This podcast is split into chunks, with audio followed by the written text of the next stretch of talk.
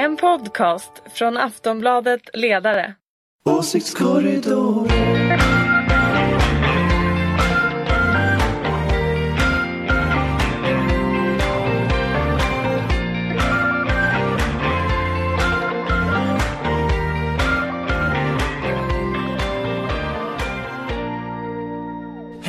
Välkomna till Åsiktskorridorens julavslutning, podcasten som görs av Aftonbladets ledarredaktion. Idag programleds den av mig, Martin Ågård, som hyrts in från bemanningsföretaget Aftonbladet Kultur.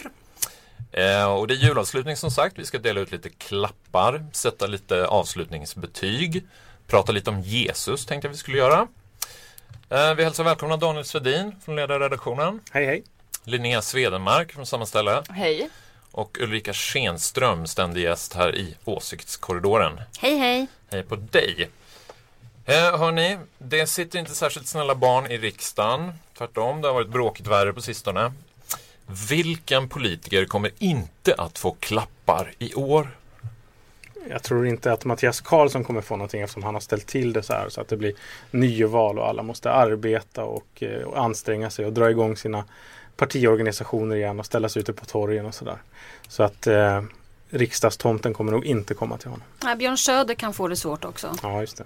Men jag tänker att det är nästan värre för om man tänker Stefan Löfven som liksom ska komma på vilka han ska ge julklappar till. Det är så här, ska han ge en julklapp till typ Folkpartiet som någon utsträckt hand? Eller ska han ge till Centerpartiet? Ska de ta emot i så fall? Att det är det där som kan bli det stelaste och svåraste tror jag. Det är Tomte-Stefan där som har bekymret. Ja, exakt. Hörni, Framförallt så tror jag han har bekymret över att han, han ska ge tomte eh, julklappar överhuvudtaget. Det är som han har läst liksom något slags PM från 1995. Så här hanterar vi borgarna. Och det är lite gammalt nu. Så att jag tror nog att han måste nog fundera på kanske större och finare klappar vad till tänker någon du på annan. då? Nej, jag tror inte att han varken kommer kunna locka över varken Folkpartiet eller Centern. Det här alliansbygget är liksom lite mer fundamentalt byggt än vad det var. Än vad man hade, som ni kallade borgarna förr. Som borgerligheten var förr. De Så att snarare partierna. tror jag att han skulle börja ge sig själv lite julklappar, Stefan Löfven. Kanske lite trevliga, bra integrationsmoduler i, fall- i julklapp kanske, någonting sånt. Jag tänker bättre politik, liksom. eller ny politik. Jag tänker politik och inte tjafs i riksdagen. Och ändra integrationspolitiken, är det det du säger? Nej, men framförallt vad betyder integrationspolitik? Det betyder bra skolor för alla. Det betyder sjukvård. Det betyder eh, omsorg. Det betyder en jäkla bra jobbpolitik som får ut alla på arbetsmarknaden. Och bostadspolitik som vi har pratat om i den här podden ett par gånger. Jag tycker, det, Ge nycklarna till kommunerna att göra så bra de kan ifrån sig. jag tycker det var en bra grej med liksom, socialdemokratins ambitioner inför valet. Att de sa att vi skrotar integrationspolitiken som, vad ska man säga? Som sam- samlat namn Ja, ja, ja. för att alla, alla missförstår jämt. Och Precis. jag är- tycker det är supersmart gjort också. Därför att det är skola, vård och omsorg, alltså välfärdspolitik vi behöver för att få alla ska få en bättre välfärd. Så är det ju. Mm. Bort Men med kallar själva man- begreppet integration då? Ja, därför att folk blandar ihop integration med flyktingpolitik av någon outgrundlig Jag anledning. vet det själv. Jag sa ofta så här, jaha men ska sossarna inte ha en migrationspolitik? Eh, när det var integrationspolitik. Alltså att det var min första så här, impuls. Mm. Att jag verkligen var tvungen att tänka efter. Men tänker du då att det är liksom Stefan Löfvens julklapp som han ska Det borde ha han ge med? sig till, själv, till Ja. sig själv och till svenska folket. Eller det parti som för övrigt eh, kommer på den bästa politiken på de här områdena. Istället för att hålla på och tjafsa och, och, och leka kuddkrig i riksdags, i, liksom i plenum så skulle man ju istället kunna tänka sig att vi svenskar fick en bra politik framöver. Hörrni, en som eh, använder ordet integration och inte minst assimilation lite speciellt är ju andre vice talmannen Björn Söder.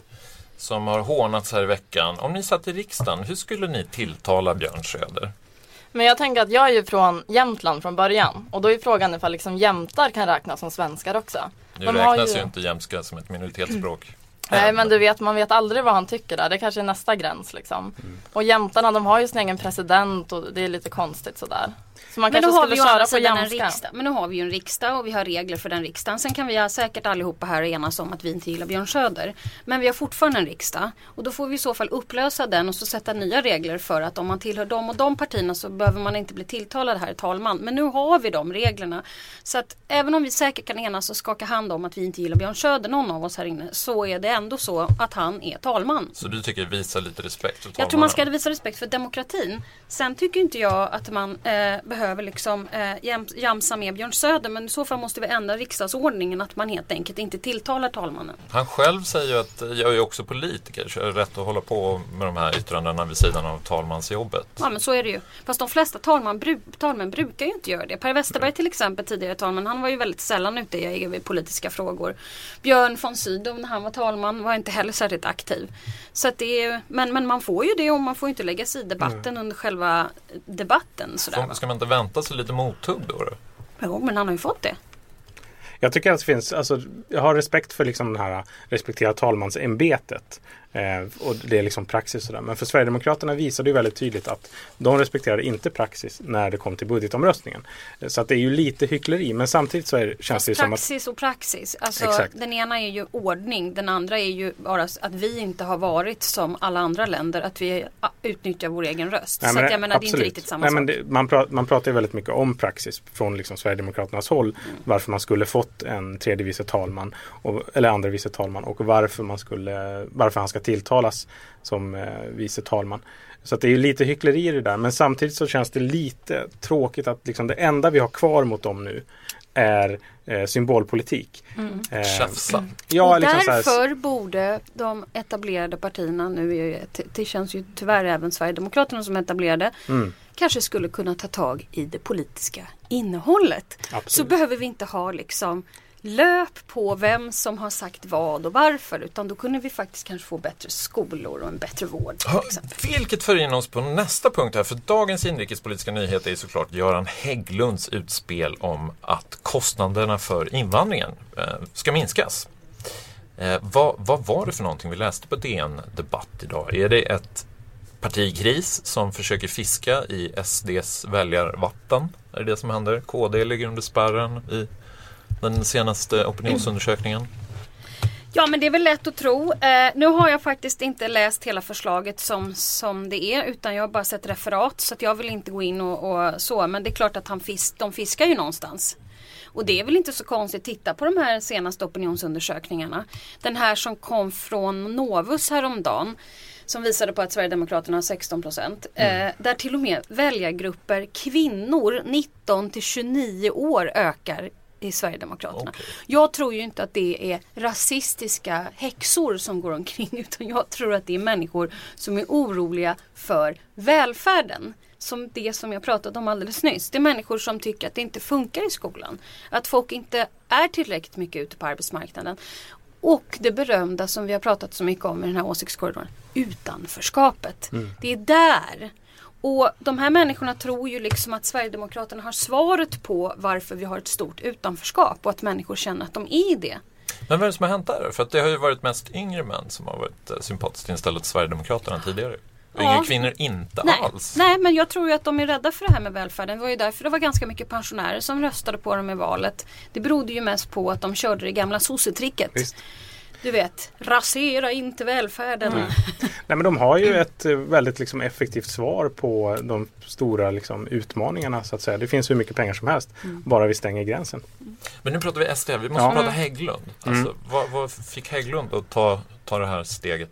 Nej, men jag tror att, jag vet inte vem det var som skrev det, om det var Thomas Ramberg såg jag hade skrivit att, liksom, eller om, ja, någon politisk kommentator i alla fall. Frågan var inte när, eller om det skulle komma, utan när det skulle komma. så är det. Vi har ju både liksom att, att Folkpartiet ligger jättedåligt till, Kristdemokraterna ligger ganska dåligt till. Och Moderaterna Eh, tappar till SD. Precis. Att det finns liksom en eh, det är klart att man, man, vill ha, man vill ha tillbaka de där väljarna och tror att man kan få det genom att prata om de här frågorna. Alltså invandringen eller migration eller asyl, hur man väljer att och, eh, prata om det.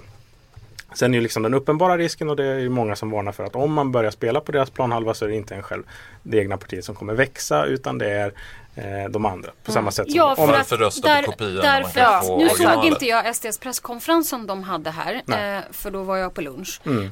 Eh, så jag missade den. Men det är klart att, det, och det är därför jag är så hård på att jämt tjafsa om det där. Med att man pratar skola, Mm. vård, omsorg. Och inte luras in i det här invandringsträsket som det där partiet vill att vi ska hamna i. För de vill inte prata om integrationsbitarna. Nej, de de vill prata om flyktingbiten. Men på ett sätt då, då känns det verkligen som att eh, KD tycker jag har gått in i liksom SD-fällan. Att SD har sagt så här att det här ska bli ett val om invandring. Mm. Och då tänker KD så här, lite desperata efter väljare att ja, men då kanske vi får haka Och det på beror det. på hur de hanterar det framöver nu. Ifall de går in i specifika förslag om skolan och inte bara säger sådana saker som Janne Björklund sitter oavbrutet och säger att vi ska förstatliga skolan. Som vad betyder det? Det betyder egentligen bara vem som betalar ut lönen till lärarna. Och det kommer inte göra någon skillnad för barnen i skolan. Men Hägglunds förslag var liksom, det var ganska klassisk högerpolitik, var det inte det? Låglönejobb. Jag tycker att det var smart, alltså sm- smart inom citationstecken verkligen. För att en del av det där som ju verkligen att man ska växla eh, sänkta bidrag som redan idag är väldigt låga. Alltså det här ersättnings, eh, ersättningen man får från Försäkringskassan om man eh, och Arbetsförmedlingen om man har ett, en, en aktivitetsplan. Eller man ska säga. Att man ska sänka de bidragen och växla det mot att man får sänkt skatt istället. Liksom jag såg alla Timbronissar gick igång jättemycket på det där för att heja heja nu blir det liksom låglönejobb och, och Göran Hägglund skrev rakt ut också att vi måste liksom satsa på RUT och ROT-jobb för här kan alla asylinvandrare jobba. Ja, och sen finns det liksom lite hårdare tag i slutet och det kan liksom gammelmoderater och kanske liksom människor som wobblar mellan SD och M eller FP tycka att det är Och, lite och det bättre. återstår ju att se tag framöver nu ifall de får några väljare på det. Absolut. För att det är Men jag tycker att liksom, oavsett vad så här, själva sakförslagen var så kändes det mest som att de ville sätta bilden av så här, nu ska KD börja snacka invandring och hårdare tag. Det finns, Och jag menar också här att folk inte kanske eh, tänker rösta på Sverigedemokraterna men då kommer KD som ett liksom, litet högeralternativ i alliansen. ja visst, det var någon som skrev att eh, Åsa Linderborg var det som skrev nu såg jag att eh, Mhm. KD är eh, Alliansens SD. Mhm. Eh, Och Mattias, Ma- Mattias Karlsson, SD, blev ju så glad över det här att han sa att nu kan vi tänka oss att stödja en borgerlig regering efter extravalet. visst. Uh, Ulrika, du som har inblick i Moderaterna, kommer Reinfeldt-linjen att ligga fast framöver tror du? Ja men det tror jag faktiskt. Varför? Därför att det är den traditionella linje som vi har haft i Moderaterna. Eh, enda sättet tror jag om det någon gång skulle förändras. Det är om vi hamnar i en situation efter 22 mars. Att det är ett likadant läge i eh, den parlamentariska situationen. Att S och M måste göra någonting tillsammans. Vad tyckte du om det? Göran Persson? Jag är ju väldigt förtjust i Göran Persson. Jag är nästan barnsligt förtjust i Göran Persson. Jag är så här så att när Göran Persson jag måste liksom gå till ställen där Göran Persson är. Jag skulle ha velat jobba med Göran Persson. Det är alltså, jag har stått och gjort eftervalsanalyser med Göran Persson och jag vill ju aldrig gå ner från den där scenen med Göran Persson. Ja, jag tycker ju han är fantastisk. Så att jag håller ju nästan alltid med honom. Även om jag här är ju inte håller fascinerande. Göran Persson ploppar upp som tomten i lådan här och, och liksom vill att M och S ska förena sig. Och liksom, ni hyser ju då en, en gemensam kärlek till Göran Persson. Jag tänker att det finns en sån här Göran, per- en sån här Göran Persson-byst nu. De får börja sälja sådana små varianter, liksom julklappar. Som sådana här bobbinheads. Ja. Varför, varför gillar moderater Göran Persson? Nej men jag tycker han är för, så här, Det är friskt att lyssna på honom för att han säger verkligen vad han tycker. Han taktiserar inte. Så behöver jag inte alltid tycka allt han säger är bra men han säger det ju. Så att folk fattar vad han menar. Han håller inte på och larvar sig och, och, och klär in saker. Jag kommer ihåg på den här eftervalsanalysen som jag var med honom på. Då anklagade han hela media Sverige för att ha gjort SD till, till eh, ha blivit så stora. Just för att Expressen framförallt Känns väl bra att jag säger det. Ja. Just att Expressen varje dag la ut skandaler som hade inträffat inom SD. Till slut blir folk trötta. De är inte intresserade av politiker och skandaler. De är intresserade av vad de ska göra åt skolan. Vanligt folk är faktiskt inte dumma alls någonstans. Och sen så kommer jag ihåg att Ekot körde fredagen före valet. Så kör Ekot den här kvart i fem eh, nyheten om att Jimmy eh, Spelmissbrukare. spel, är spelmissbrukare. Nej men oj, vad hemskt. Det är säkert massor med människor som spelar. Vi har till och med ett statligt monopol. Ett statligt bolag som uppmanar oss att spela. Jag menar så länge han inte bryter mot några lagar så får väl han göra vad han vill. Jag tror Nu att spelar ni P- förvisso inte på statliga monopolsajten där nu. Men, men hörni, alltså, Men ni vi- förstår vad jag menar. Det blir förstår. lite löjligt. Kan ni liksom i praktiken samarbeta? Vi har två socialdemokrater här, vi har en moderat. Skulle ni liksom Finns det underlag? Skulle ni kunna komma på en trafikpolitisk lösning tillsammans här på två minuter för Storstockholm? Härlig Jo, men- Kan där. ni Jag, enas? jag tror inte att detta skulle vara ett problem. Det är så här tror jag att eh, vi säkert skulle kunna se detta mycket enklare än våra organisationer skulle kunna se det. Jag är inte så säker på att varken S eller M skulle vara beredda att, att, att fixa det rent organisatoriskt. För att vi är så uppfostrade att tycka så illa om den andra. Det finns dessutom att- inom socialdemokratin liksom min in, mycket begränsad inblick, men ändå inblick. Eh, alltså när de tyska sossarna skulle sätta sig och regera tillsammans med Kristdemokraterna så var man ju tvungen att ha en medlemsomröstning. Eh, och där har man liksom lite, ta, inte så tajta band till fackföreningsrörelsen som man har i Sverige. Skulle Stefan Löfven och Anna Kinberg Batras komma på att vi ska regera ihop på något sätt så skulle det liksom bli sådana konvulsioner inom arbetarrörelsen som jag tror skulle vara extremt, extremt svåra att hantera och Jonas Sjöstedt skulle väl förmodligen jubla. Och SD också. Ja, säkert. Vi skulle ju försöka inte nämna dem men det går Nej, inte. nej men exakt. Ehm, så att det, det skulle vara en, en eh, liksom, utmaning för Stefan Löfven och för den socialdemokratiska partiorganisationen att övertyga medlemmar och sympatisörer och fackliga att det här är långsiktigt bra. Och det skulle krävas Mm. liksom en förlåt mig-turné av Juholtska proportioner. Jag ber om Men- ursäkt, jag- här är en piska, slå mig. Jag tror inte ens bara det hade varit svårt, det hade ju varit omöjligt. Alltså Löfven hade ju blivit utjagad liksom. Mm, ja, Men sen ska vi komma ihåg att orsaken till att det här har kommit upp överhuvudtaget handlar ju inte om att det här är någonting som på något sätt står högst upp på någons eh, julklappslista. Nej. Utan det här handlar ju om att ta ansvar för landet i en situation av kris. Visst. Där det inte finns något block. Och det är ju därför den här diskussionen överhuvudtaget kommit upp. Jag tror inte Göran har gått omkring och bara Nu ska jag göra ett uttalande. Nu jäklar. Det Han har verkar gått och längtat. svårt, men ni verkar överens om att Göran Persson ändå är en bra, Bra. kille. Ja. Ni, alltså, Tired of ads barging into your favorite news podcasts? Good news. Ad-free listening is available on Amazon Music for all the music plus top podcasts included with your Prime membership. Stay up to date on everything newsworthy by downloading the Amazon Music app for free or go to amazon.com slash news ad free. That's amazon.com slash news ad free to catch up on the latest episodes without the ads. SOM kanske inte kan samarbeta, men USA och Kuba har äntligen lyckats med hjälp av påven. Alltså, vad betyder den här nyheten egentligen? Ja, vad ska man säga? Det, jag läste nu Proletären, kommunistiska partiets tidning, deras kommentarer. De tyckte att det var fantastiskt att de här kubanska, som är misstänkta spioner tror jag, som har suttit i USA, har släppts och fått komma hem. Eh, de hyser inga illusioner om att eh, Barack Obama har något annat mål än att krossa socialismen. Men ändå så är det en stor seger för det kubanska folket och eh, den kubanska statens Ja. Eh, vänner. Men är Och- det en seger för den kubanska socialismen? Nej, det skulle jag inte säga. Jag tycker att det där är svårt. Alltså, både från Kuba och USA så har man förmodligen sett att den här linjen där man liksom blockerar varandra fungerar inte längre. Eh, och eh, det kanske finns lärdomar att ta därifrån. eh. Mänskligheten går framåt. Verkligen. Det Och kanske- påven, vilken superhjälte. Det, ja exakt, det är kanske det som får bli så här Kristdemokraternas nästa utspel. Att påven borde komma till Sverige och lösa hela det här läget. Han kan få bli talman. Eller hur? Istället för Björn det tycker jag, det låter ju Ulf Lundell ska bra. bli statsminister. Han har ju fyllt liksom, nyhetsgrejer hela tiden den här veckan. Det är han, Det är liksom- Göran, det är han, Göran Persson Ja. och påven. Och Leif GW Persson. Ja, En jätterolig blogg. Det är Eh, fantastiskt. det är behagliga nyheter hela dagen här. Partisekreteraren Kent Persson lämnar politiken. Han är ännu en av alla moderater som nu hoppar strömhopp från partiet. Ulrika, vad är det som händer i Moderaterna just nu? En ny ledning skapas. Så att det är Och då väl det måste som alla händer. bort. Är det utrensning Ja, nej, men det, det är, precis, är det är liksom... exakt så här det alltid är. nej, men det är klart att Anna vill bygga sitt eget lag och då ska hon göra det. Det är ju oftast det bästa och eh, då blir man oftast bäst också. Så att, eh, sen ska vi komma ihåg att alla partisekreterare har ju väldigt olika roller.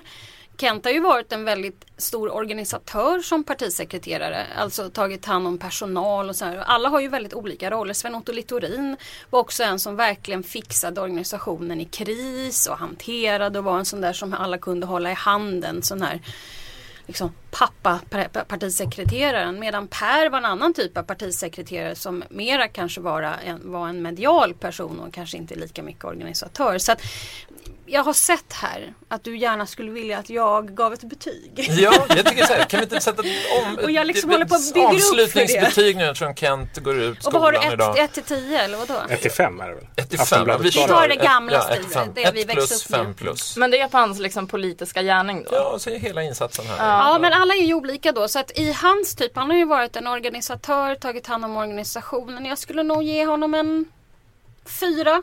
Oj! Fyra, mm. fyra plus där. Ja. Men han har inte tagit så bra hand om organisationen? Han har tagit väldigt bra hand om organisationen. Ja. Efter ett val när man liksom inte längre eh, om vi tar, eh, om, när, man, när man inte sitter i regeringsställning längre utan man har tappat regeringsmakten och sånt så behövs det ju ganska mycket hantering av personal, organisation, det är nedskärningar och sådana saker. Så att ofta så ser du ju inte den typen av roll hos en partisekreterare för att vi ser ju alltid nästan alla utifrån. Schlingmann var ju bättre i, i media kan man ju säga. Han syntes ja, mer. Men han kanske inte hade just den rollen. Så att alla har ju, och jag vet inte riktigt i sossarna, jag vet inte, parti, ni har ju alltid en partikassör. Ja. Som ju är väldigt mycket den stora organisatören.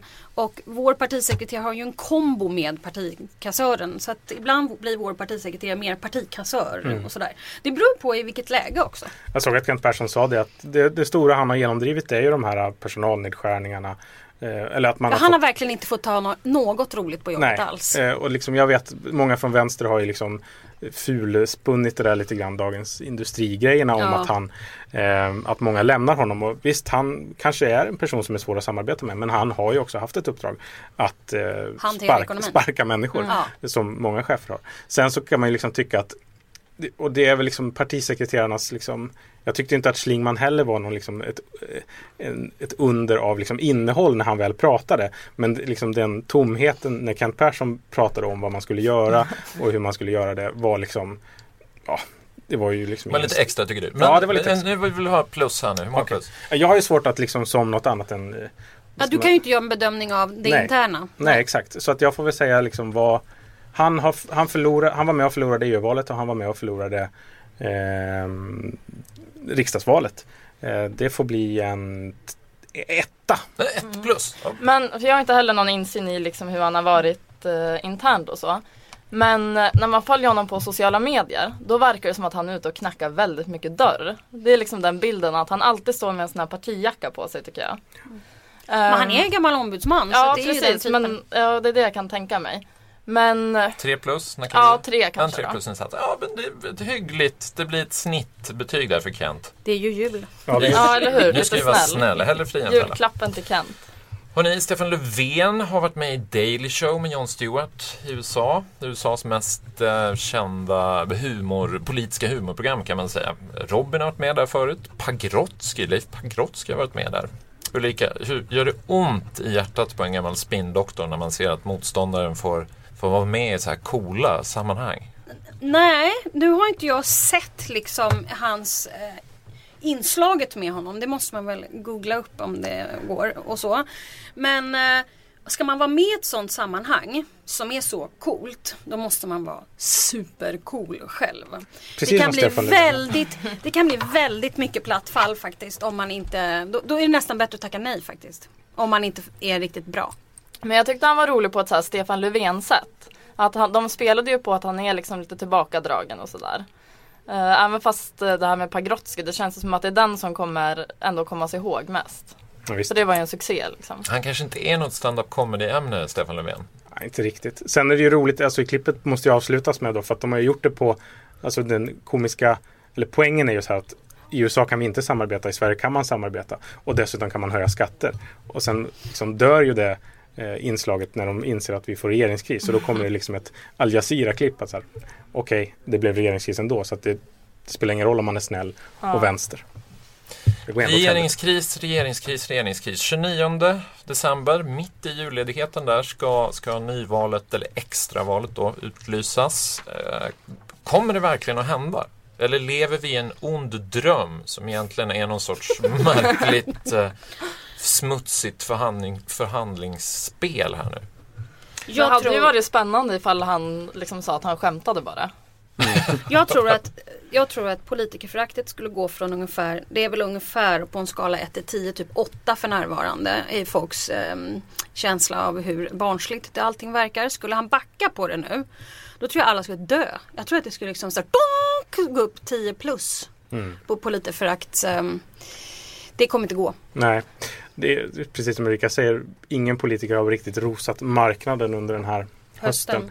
Eh, och, eh, nej men, och sen så, samtidigt som man märkte ju det under förhandlingarna och alla de här mötena det har ju blivit mer och mer så. Alliansen har retirerat tillbaka in i någon sorts eh, att de verkligen är en allians och tänker gå till val ihop. Sen vet man inte vad som händer efter det. De har inte riktigt svarat på vad som händer om de vinner valet. De, man lovade ju förut att man skulle lägga separata budgetar men får man regeringsmakten så, så blir det väl som det, som det blir.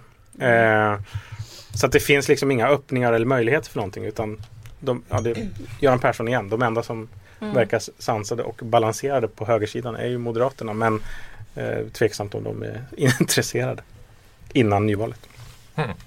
Men annars pratar vi om ett extremt polariserat politiskt klimat, att det här blir den smutsigaste valkampanjen någonsin. Stämmer det? Det tror alla alltid. Jag vet inte ett enda val jag inte har suttit och kommenterat valet. Nu ska det bli så smutsigt. Amerikanska Och tekniker amerikanska tekniker och det, ska, och det är nya grejer hela tiden. Nej, men det finns ju en risk för att det blir så här lite barnsligt. Att det blir för taktiserande och inte något politiskt innehåll.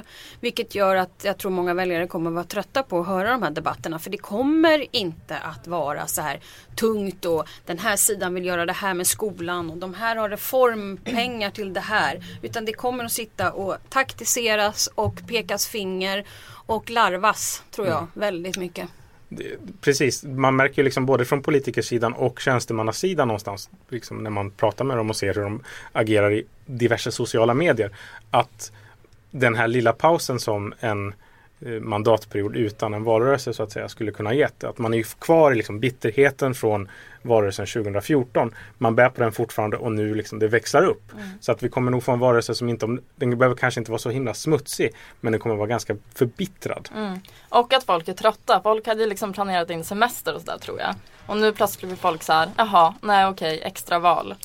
Då kör vi igen. Tillbaka ut på torget. Ja, Vilka är era smutsigaste kampanjtips? Håll inte tillbaks nu. Utan liksom, det- är det så här, vad, vad, hur, memes, liksom, är det, är det, smut, det är smutsigt i Sverige? Internet, Ja. elaka tweets. Jag fick mycket kritik för en, en grej jag gjorde på Twitter som jag tyckte var lite intressant. Så det, det, var, det var så här eh, när Lars Leijonborg hade sagt att ehm, Hitler gjorde ju en del bra grejer också på det här SNS-seminariet. Då hittade jag en gammal så här, skojbild med Hitler där han står och håller i en blombukett i handen och sträcker fram den så här.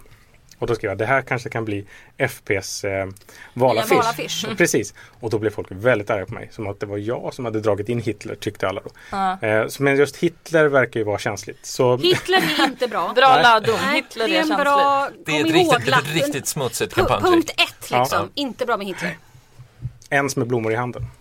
Funkar inte. Men i övrigt, alla, det, det mesta är tillåtet. Ja, alltså sen ska vi ju komma ihåg att de som kanske håller på mest med sånt här det är ju egentligen mera ungdomsförbundare och sånt där. Eh, och eh, det är klart att eh, det mesta brukar ju vara ändå okej så länge man håller sig inom lagens regler. Det finns väl någon sån här klassisk... Det brukar, det eh, brukar man alltid säga i partiledningar. Vi vet inte vad barnen håller på med Nej. och vi vill inte veta det heller. Hörrni, det är snart nytt år, 2015. Vi, vi siar lite grann nu här, bara några enkla frågor upp eller ner, tänker jag. Mm. Eh, oljepriset, kommer det gå upp eller kommer det gå ner? Ja, det Ja, upp. Oljepriset. Tror du det? varför Upp. tror du det? Jag vet inte. Det är poäng ner. Det är, här, det är helt fel podd för att diskutera oljepriset. det finns ju en politisk fråga här då, det handlar ju om Putin Ja, naturligtvis. ja. Så frågan, Putin upp eller Putin ner? Man hade ju Nej, blivit jag tror- fått pris nu igen att han var så populär i Ryssland. Ja, men jag har väldigt svårt för honom. Ja men det, Ja. verkligen, det har vi alla tror jag. Personligen. Det var ett, Det är ett riktigt statement här nu. ansvar för honom. Och så tycker jag han är så töntig med de här bilderna när han är ute och liksom så här ska visa sina muskler. Ja, det är en också. politisk kultur man inte riktigt... Det är rikt, Ja, det inte riktigt ha. han med det här med björnar och han är ute och jagar och så. Nej, nej. Nej, okej, den på, nej. den, på Det ska- The sky's the limit för honom tror jag liksom, i Men problemet Ja, är precis. väl 102%. så att eh, vi tycker ner om honom men han kan ju gå kan gå upp. upp. Det är så Mm. tydligt där. SD då? Upp eller ner? Om Upp, inte de politiska partierna tar sitt politiska ansvar kommer de gå upp. Ja, jag, säger, jag håller med Ulrika där faktiskt. Eh, Men eh, önsketänkande ner såklart. Men jag tror det kan för dem mentalt att liksom bara gå ner lite grann i en enda mätning vore intressant att se. De är ju så jävla eh, så här, ödet och vägen är öppen. Liksom. Mm. Och det finns ju bara två partier just nu som är lyckliga. Vilka då? SD och Centern. Centern? Ja, de är också lyckliga. Varför då? Därför att jag tycker att Annie gjorde väldigt bra i valrörelsen ifrån sig och jag tror att hon har fått ett självförtroende som hon inte hade tidigare och jag tror att den organisationen, Centerpartiet, mår rätt bra efter valet. Mycket pengar. Ja. Ja, och så mycket pengar då. Miljöpartiet upp eller ner? Ner. Ner. ja, ner. Dödsdom för Miljöpartiet där. Eh, Det vet jag inte men de kommer, eh, de kommer gå ner. Jag Men- tror dessutom att S, alltså traditionella S-väljare kan inte gilla Miljöpartiet. Alltså traditionella S-väljare vill ha liksom förbifart, de vill ha tillväxt och de vill ha ett bra försvar. Allting som inte Miljöpartiet står för. De vill inte ens ha tillväxt. Det måste man ju skämmas för som S, eh, S-veteran som du. Ja, jag har bråkat mycket med, med Miljöpartiet och min liksom, huvudsakliga kritik mot dem, de har jättemycket bra grejer men det finns en storebrorsattityd som jag inte har eh, så lätt att ta till mig, eh, liksom, eller Bror Duktig ska jag säga. Eh, och eh, men mycket av det, alltså förbifarten är ju, är ju vi emot liksom. Nu är ju den frågan eh, av jorden då liksom. Eh, men det finns mycket hos Miljöpartiet som jag tror liksom, hör ihop med den här lite mästrande folkpartistiska Lite Eh, finare, lite bättre. Ja men precis, Mm. stans eh, enda person som har en högskoleutbildning. Mm. som går Lite runt och- finare, lite bättre. Precis. Mm. Men och att det finns en bild av att de är opolitliga tycker jag. Eh, att folk har den bilden. Speciellt hos vänstern liksom. Mm. De Att kan, man inte litar på att det. kan hoppa- hippie som Sex Pistols sa.